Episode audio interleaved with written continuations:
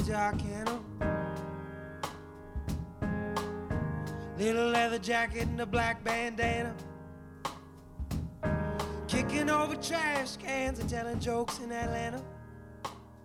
When I got the fever, it hit me like a fan on the back of my head. I don't know who I am, but I'm free for nothing, good for nothing too. Dit is de podcast Radio Americana. Kees Kepel in gesprek met Leif Vollebekk. Well, nothing is a lie, babe, if you know it ain't true. Take a look at me now. Take a look at me now. Well, your record is officially out now. Reparations New coming Ways. Uh, we've had it for a while now, and um, I'm happy that we can now be open about how. Well, I wrote a little piece about it on the website of the magazine. Um, very positive. I Okay, good. add, Thanks. Thank you. because I've been, well, of course, inland North Americana, and then Twin Solitude came, which to me I loved inland and, and North Americana, but Twin Solitude seemed like Better. something. well, well, okay, better. No, no. Well, different. Yeah. different. More from piano, more, uh, more based on rhythm. Mm-hmm. Because in a weird way, and New Ways seems to uh, be even more like that. It seems to move toward even older soul records. Uh huh. Yeah, Am I that's good. saying weird things? No, that sounds right to me. Uh-huh. Yeah, yeah. That one, Twin Solitude was more. Up until then, I don't think I ever had a backbeat Mm-hmm. to any of my songs. Really, kind of like there was always. I, I liked time being loose, Right. and that was a lot of work live, and even. It's just complicated, Right. And it's just it's another time, and I don't really remember why, but I just liked pushing and pulling and, and all that, and the band would do that with me Right. and that was exhausting. And I and it was uh, I, I got tired of it, and then I started being like, oh, drummer keeps the beat, and I push and pull like it. inside Uh-huh. of it, and it's so much easier, mm-hmm. and it's so much more fun, and I think it sounds better. And then, yeah, there's a lot of stuff. So now the yeah the new record is even more. I tried. They're not that crazy, but in my mind, they're very different feels in mm-hmm. between each song. Not just mm-hmm. like a ballad, but bit of like swing. Like there's a bit of a shuffle on one song, on a couple of them actually. Like on Blood Brother, it's a bit of like a. It's kind of an implied shuffle, you know, yeah. like like really specific feelings. you know? Mm-hmm. Mm. You also said that uh, Twin Solitude was about you, and New Ways is more about someone else. Yeah, I just you say things and you're like, I don't know if that's true, but kinda. Yeah, it's more like the other one I wrote. It's more songs that you sing to yourself, and these new ones seem to be more trying to connect with other people or a different person. Or maybe Twin Solitude was more inward. Uh-huh. And This is, I think I wrote in in, the, in a little piece that they seem like flowers that open up within half an hour. Wh- which one? Oh no, the, the whole record. Okay. It's, it's song by song by song. it- They they just bloom Hmm. in a way. On the new record. Yeah. Okay, Yeah. cool. That's nice. Whereas uh, Twin Solitude was very beautiful also, but more inward, and it also takes as a listener takes you inward. Yeah, yeah. That was. I feel like that's also how I wrote those songs. They were more reflective, and this one was more engaged, I guess, with the world. I don't know. It's a weird. It's funny to look at it like that, but yeah. Is it for you? Uh, uh, well, was it a conscious thing to? Did you think about it beforehand that, that after two more guitar-based records, you would move on to something else? Uh, I I got really tired of guitar, acoustic guitar, at one point, and I just didn't like playing it live. I just didn't, because it also I, my sound was also a bit harder. Now it's much better the guitar sound I got, but it just felt like it was not musical and a lot of it was just a lot of strumming and not a lot of dynamics. And uh, yeah, I just wanted to stop seeing myself as someone with an acoustic guitar, and then I did it. I still play lots of guitar, but I just put it on the second half of the record so people Right. don't think about it. Well, no, actually, by re-listening, re-listening, you, you notice there's guitar.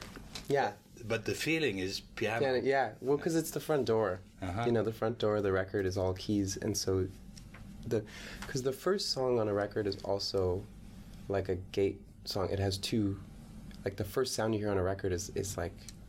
You know what I mean? It's like the beginning of a of Ibsen or something. You know, like it's like the first word of the play is the is part of the play, but it's also the first word of ours. So it actually has it has an introductory feeling, and I think whatever the first song is, makes people think a record is all like that. Mhm. Like there's that Sigur Rós record, uh, Söði Eirum Vi spilum endalaust. Yeah, that sure. Yeah. one. uh, My Icelandic is yeah, very yeah. good. I didn't want to say it wrong. But the first song on that one is this really upbeat, raw. Yeah. Yeah, yeah. And uh, people talk about that record Mm-hmm. being more awake, and but the rest of the record is just Very mellow. Yeah. Mhm. chill and like very in keeping with their style, Right, you know. yeah. And so, but it does make you, anyhow. You know what I mean? Yeah. Yeah. So uh, there's a bit First impressions are always uh, important. Yeah. Mhm. Yeah. yeah. Uh, can you tell something about uh, the videos you have made for have people make for the for, for the record Yeah. for the songs because um, well they're beau- beautiful. Oh, thanks. Is this something you intended beforehand, or you already of, be, before they started filming? You had an idea. Yeah, I used to not like videos, but I Mhm. realized it was because I wasn't making music that was in keeping with my visual. I, I kind of see music a little Mhm. bit when I play it, or if I Mhm. close my eyes. And so I, I wasn't. On Twin Solitude, I started recording music that was very close to the colors I had in my head. So then I Right. knew what I wanted the video to look like. It was Mhm. it's kind of weird. So I always just pick the colors. Usually it's the keys of the songs have different colors. So I try to make sure that it matches the color. So Mhm. the key song A, uh, key of A is yellow, Mm. and then C is kind of white blue. So anyhow, so yeah, so I kind of know, and I kind of go with that color scheme. And I talk to my my friend Kaveh, who did all the videos so far. Mm. We just talk about the colors, and I'm like, yeah. On the transatlantic flight, I was like, I want to go. Just let's. It's hard to make a video with not a lot of money, Mm. because everyone, people just sit on their couch and they ju- or like on the toilet and they just watch their YouTube video, and like you're next to like Kendrick Lamar or like Cher or the right. Police. You know, these are And like these are very- million dollar videos. Yeah. you know? Right. Yeah. or maybe less, probably less. But then you you, you want to connect on that level, Mm. but like it's not. Uh, you need to compete, and so in my mind, w- we spent the money on the camera and on the lens, Mm. and then we just do something really simple. So at least it looks right. at least it looks has the right look. Well, they to it. look right and they feel right Yeah. to you, I guess. That's what I try to do. Yeah. But it, but it's just weird how like I find that visually I want to. It's try, we try to get to the more cinematic side of it, so you can Mhm. kind of get lost in it. But Mhm. it's, it's a it's such a complicated medium. It's Mhm. very different. Like your your attention span is so short with video. You know, with on a radio or on a record, you can Yeah. just you know an hour is not long, Mhm. but with a, an hour long music video it would be insufferable. You know, That's why MTV doesn't work anymore, Mhm. probably, right? I don't Yeah. know. I don't know. It's a funny thing.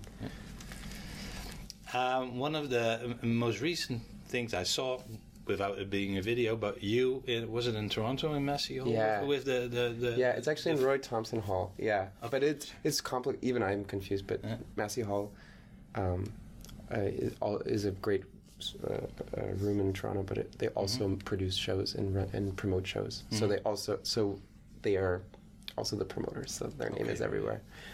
Um, yeah, that was strings and so it was really fun. I just wanted to do that, and I talked to my manager. I said, um, "Look, I have this idea. I want to be surrounded by string players Mhm. and play my song live and record it and film it, and I want it to be like I just see it and I want to do it and I want them to be all around, and I, it's going to cost thousands and thousands of dollars, and I don't have the money, but." I just want to tell you that that's what I want, and then I can stop thinking about it. And then the next day, she's like, "Massey Hall is doing that For you? Yeah, they, they were like they were looking for people to record Okay. and film on this piano, on this beautiful Glenn Gould piano. Ah. I thought, okay, so then it happened like like the next day, or like If you a- a month later. yeah, I was. It was so easy. Yeah, and all the string players, we just rehearsed about twenty minutes before, and I just taught them the the song and everything, and it was just yeah, it was really fun. Okay. It was really fun. Uh-huh. Yeah, I think it sounds good too. It sounds great. I like the Yeah. ending the most. Yeah. I wish that the recording almost sounded like that. Yeah. hmm Yeah. yeah. Well, it sounds great. Well, thank you. Yeah. You should have maybe no. That's another idea. Big video screen and then the video. Well, Yeah. The video is it isn't in sync probably with the No, version with uh, because my tempo it just keeps moving Right. all the time. Yeah, but I mean that's the thing. It's there, but it moves. hmm Yeah, it's a funny thing. Yeah.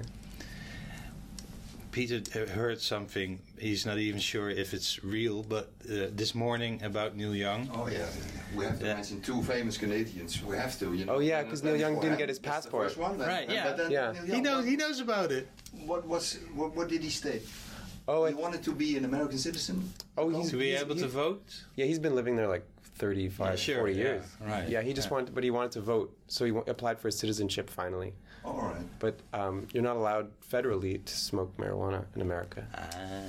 Okay. So yeah, even if it's local, it's breaking a federal law. It's actually quite confusing Yeah. in America because it's illegal federally, Yeah, but yeah, yeah. legal locally. And I don't really understand how that works. Yeah, yeah, yeah. Yeah. But mention him, him, and the other famous Canadian. Who's the other? Well, who's the other? Leonard Cohen. Did- Was he in the news today? No, Oh, I think he was. he was. Hmm, I don't know. Well, he was with me because I read what you wrote about. him. Oh yeah, No, but, but do they mean something to you? I mean, these. they're the other- best. They're the no, best. Joni, Joni. Joni, Leonard, Bob, and of course, yeah, Neil. Yeah, I mean, I just, lo- yeah, I mean, I kind of just ate Neil Young and Bob Dylan and Leonard Cohen for like I don't know, 15 years. And now, now kind of, now I just hear them. I know all their songs in my head. You know, like I today I like qu- sent an email to my dad and I quoted, I quoted some Bob Dylan lyrics. You know, Yeah. what is it? Um, Behind every beautiful thing, there's been some kind of pain. That's a good line, right? Oh, but he stole it from the pain, yeah, yeah. sure, He yeah. stole stole it from the from the Talmud, I think. He like you know it's something you know, or that one in joke in joke. Uh, uh, what is that one? Um, they say that patriotism is the last refuge to which a scoundrel clings. Steal a little and they put you in jail. Steal a lot and they make you king. Do you know that one? No. Yeah. But you had me thinking about the, the Scorsese film about the Rolling Thunder Revue. Oh, yeah. Did you see it already? I saw it. Yeah, that was a weird one. Uh, very so weird. weird. With the fake Sharon Stone interview. yeah, right. Oh my god! I thought oh, I don't know if that worked, but Well, he had me for a minute. yeah, but it was. It, it- oh no, like I bought it, but I, Uh-huh. I but I thought it was weird. I didn't feel like it was a it was a, it was a little funny. It was Well, a little it funny. was, and didn't didn't that uh, a part of the film start with the the the fake uh, director. No, yeah, that also, but the dialogue between Joan Baez and Bob Dylan, that he left her for someone else, and I think it was a scene they From did Renaldo and Clara. Renaldo and Clara Yeah. uh, uh, film, Yeah, I don't know. It's so it was. It's but it was little- very convincing to me. Yeah. Oh man. It made me feel oh oh.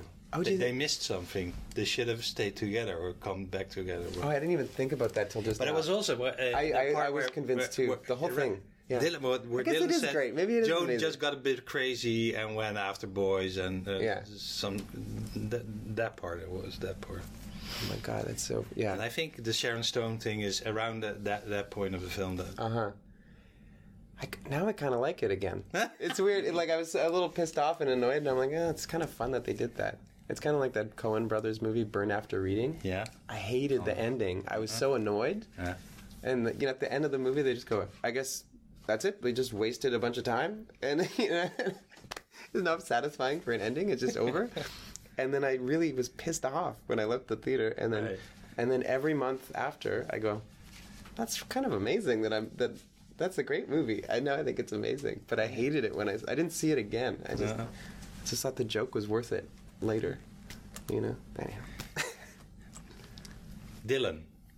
I, I also saw um, uh, it was a videotaped interview with you. I, I, I can't remember by who and when, but where you were talking about Vancouver a lot, uh, or the questions were about Vancouver, and then uh, you telling about mm, what you just told us. Uh, you know everything of Dylan, all his I songs. know it all. and that you, you you started out wanting to be I want to be like Bob Dylan. I want to be Bob Who Dylan. doesn't want to be Bob Dylan? Not me anymore, but I, for a little while. But you tried writing songs and, and performing like Dylan, and that that part got too exhausting. Yeah, it was very similar. Well, because I thought, I just, I guess he, I used to think he was the best. Mm-hmm.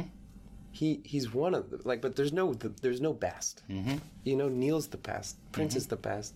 Like they're all the you know, you know, perfect artists. They mm-hmm. just like went as far as possible in their direction, and so, but for a while I just was so there's so much Bob Dylan to listen to, and until you've gone through it all, it's like I, yeah, I don't know how to explain it. It's like the undiscovered country. You're like, oh, there must be an infinite amount of records that he made. And it's like, no, mm-hmm. once you get through them all, mm-hmm. then done. And you go, okay. It's, I don't know. I don't know how to explain it. But yeah, I wanted. Yeah, I wanted to write a better so- Bob Dylan song than Bob Dylan, but that makes no sense. So I just started writing my Oh, kind of songs, yeah. which are very different, Yeah. and I I rather like them now.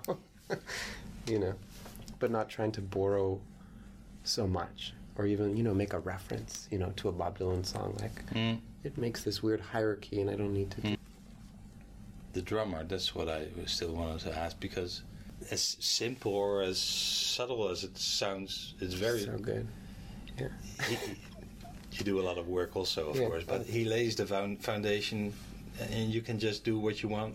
mm-hmm. That- Is that also the way you record it, or?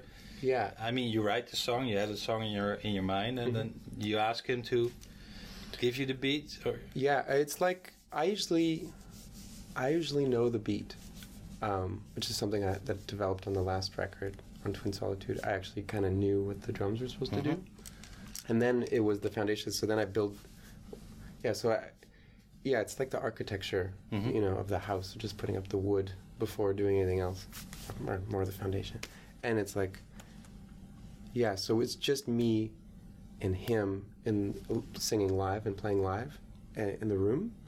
And he's basically my metronome and my click track like an emotional metronome that if i go up he goes up. And if i slow down he might keep it in, in the Well, center but that's exactly what I was thinking. man. It- it- You just go into the studio and do it live. You don't do demos beforehand with a drum machine or something. i Because play a lot something of completely different. Yeah, well, I think I might start doing demos. Uh-huh. But I used to have this thing where if I liked a demo Mm. and it didn't sound good, Mm. then I'd be messed up because I'd be like, it feels so good on the demo, but it doesn't sound right. So then I would be stuck. I'd be in love with something that I didn't want to put out sound wise, but Mm-hmm. feel wise, I liked it. And I didn't like that feeling. So I just don't really do demos. Mm-hmm. And then when I do, I'm, I set up all the microphones. It's basically that's why it takes me a while to record. Set up the microphones, get all the sounds right. We maybe spend a day or two just making the piano sound perfect. Put the you know the ribbon microphone here, tilt it there, switch the cable, try it with the gra- the cloud lifter, try it through the Neve, try it through like we're just getting the sounds so sonically it's really placed, and then we just do demos with the perfect sound, and then it becomes the record. So, but but it, sometimes it means going back like six months later and setting up the microphones again and, doing it. But th- that way, if we get a good take, the one of the first times, it's really fresh and alive. Mm. But um, I might change it. It'd be, be nice to maybe have some demos, but when the demo sounds good, it's hard to let it go, and so I just don't want to have that problem. Yeah, well, no, no, don't get me wrong. I don't want you to make it to No, I think I, I think I- start doing demos. If if this is how it works for you, the, Yeah, well, the, the, even better. I could change. I think it would be nice to have a middle ground. Uh-huh. Well, the record is just out, but are you already working on a new, uh, new, new yeah, ways? exactly. Yeah, I'm trying to. I'm, I kind of just want to record another one now. Mhm. Yeah. But in the same ways, or better. I want to make it better. yeah, yeah. I just keep the stuff that works. Yeah. But I just want it to sound better. Uh-uh. I want to get like I think this one sounds better than. I think Twin Solitude actually like there's a, too much room sound on it. Uh, like, but Is but? Yeah. well, Yeah. to, for me because I thought I was getting a tighter sound, Mm. but um, it's very psychological. Yeah. So I I would hear what I wanted to hear. So I heard the drums close, but they're very far away. Mm. But I just I remember that when I was recording, the drums were close, so I was picturing the drums close. It's like a weird psychological game, and so now when I hear it, I go, "Oh, those drums are really far away." Um, because my vocal was loud, and so if the drum's next to me, you know, if the drummer is like six feet away, Mm. and you turn up my vocal mic, it, you're turning up the, the room mic on the drums. Sure, you get are turning up drums, yeah. a far away drum sound. Yeah. So a lot of my drums were a bit. So on this record, I kind of fixed that. Uh-huh. I like with a lot of different, you know, more dynamics and more soundproofing and things like Mm-hmm. that. But no, I think maybe that's a good sound. Like the far, it No, it ma- makes for a more reflective, melancholic Okay, thing. right, yeah. But uh, Um, maybe that's what I meant with opening up. That it is open. There's, um, there's there's there's a lot of space yeah, we're literally recording space. without reverb or, or uh, coming back from the walls or something. But it's just yeah. Well, we're recording space, yeah. because the I don't like the sound of my vocal overdubbed. I just think it sounds flat, and then you have to put it in a fake room. Uh, I just love the sound of my vocal mic in the piano mics, uh, and my, the piano and my vocal mic, and everything just starts to. Uh. and all those old records, like Beatles records, like even if the drums are panned right, Mm. you hear a bit of the drums in the left because it's maybe bleeding into the guitar amp. mm, And so there is a stereo image that happens, and you're getting the air in the room and the energy that was in the room. You're, I don't know what that is, but you put it on tape, and then it's like you just people feel things, mm. and it's really magic. And I think if I do one instrument at a time, it's not the same. And I really like that. I really like that. Yeah, this just it's a, a reverb that'll never happen again. It's just that room on that day with that humidity level, with two people playing, and you just yeah, you're even the silence has a quality of sound to it. Just the shh, like the tape noise and the microphones, you know, Mm. feels quite warm. I think, you know. yeah Well, thank you so much. It's my pleasure. Thank you. Thanks for caring, guys. West London alleyways, San Pedro's valleys haze works my mind just like a maze. When I see you around, no, honey, you are not a kid. You know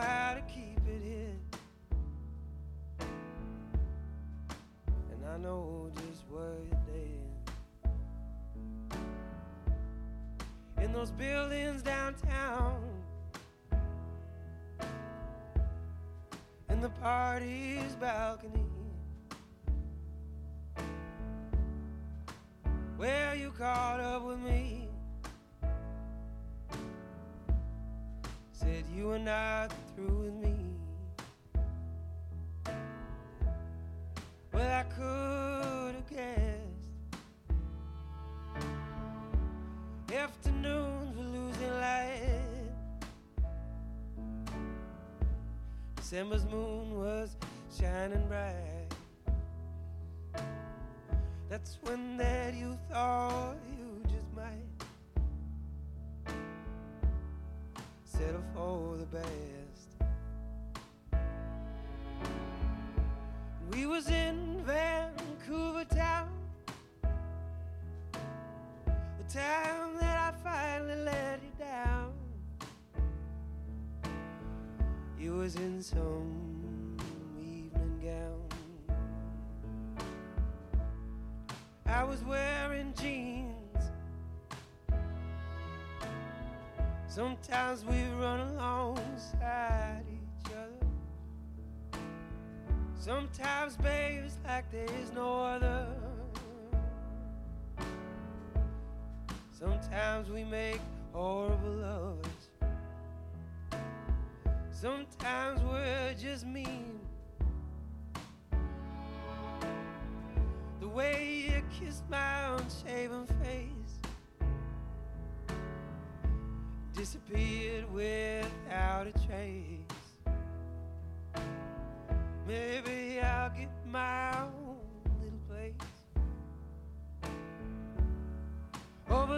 the ocean. Pacific Northwest on a southbound train. Buffalo clouds hanging above the plains.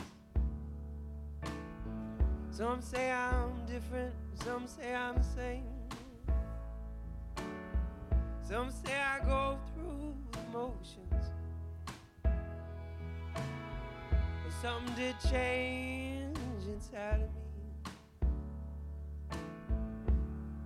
Change something in the way I see. See those shadows hanging on the streets. You can't outmaneuver time. I'm only leaving cause I can't stay. I always loved you and I, I never paid. I hear that even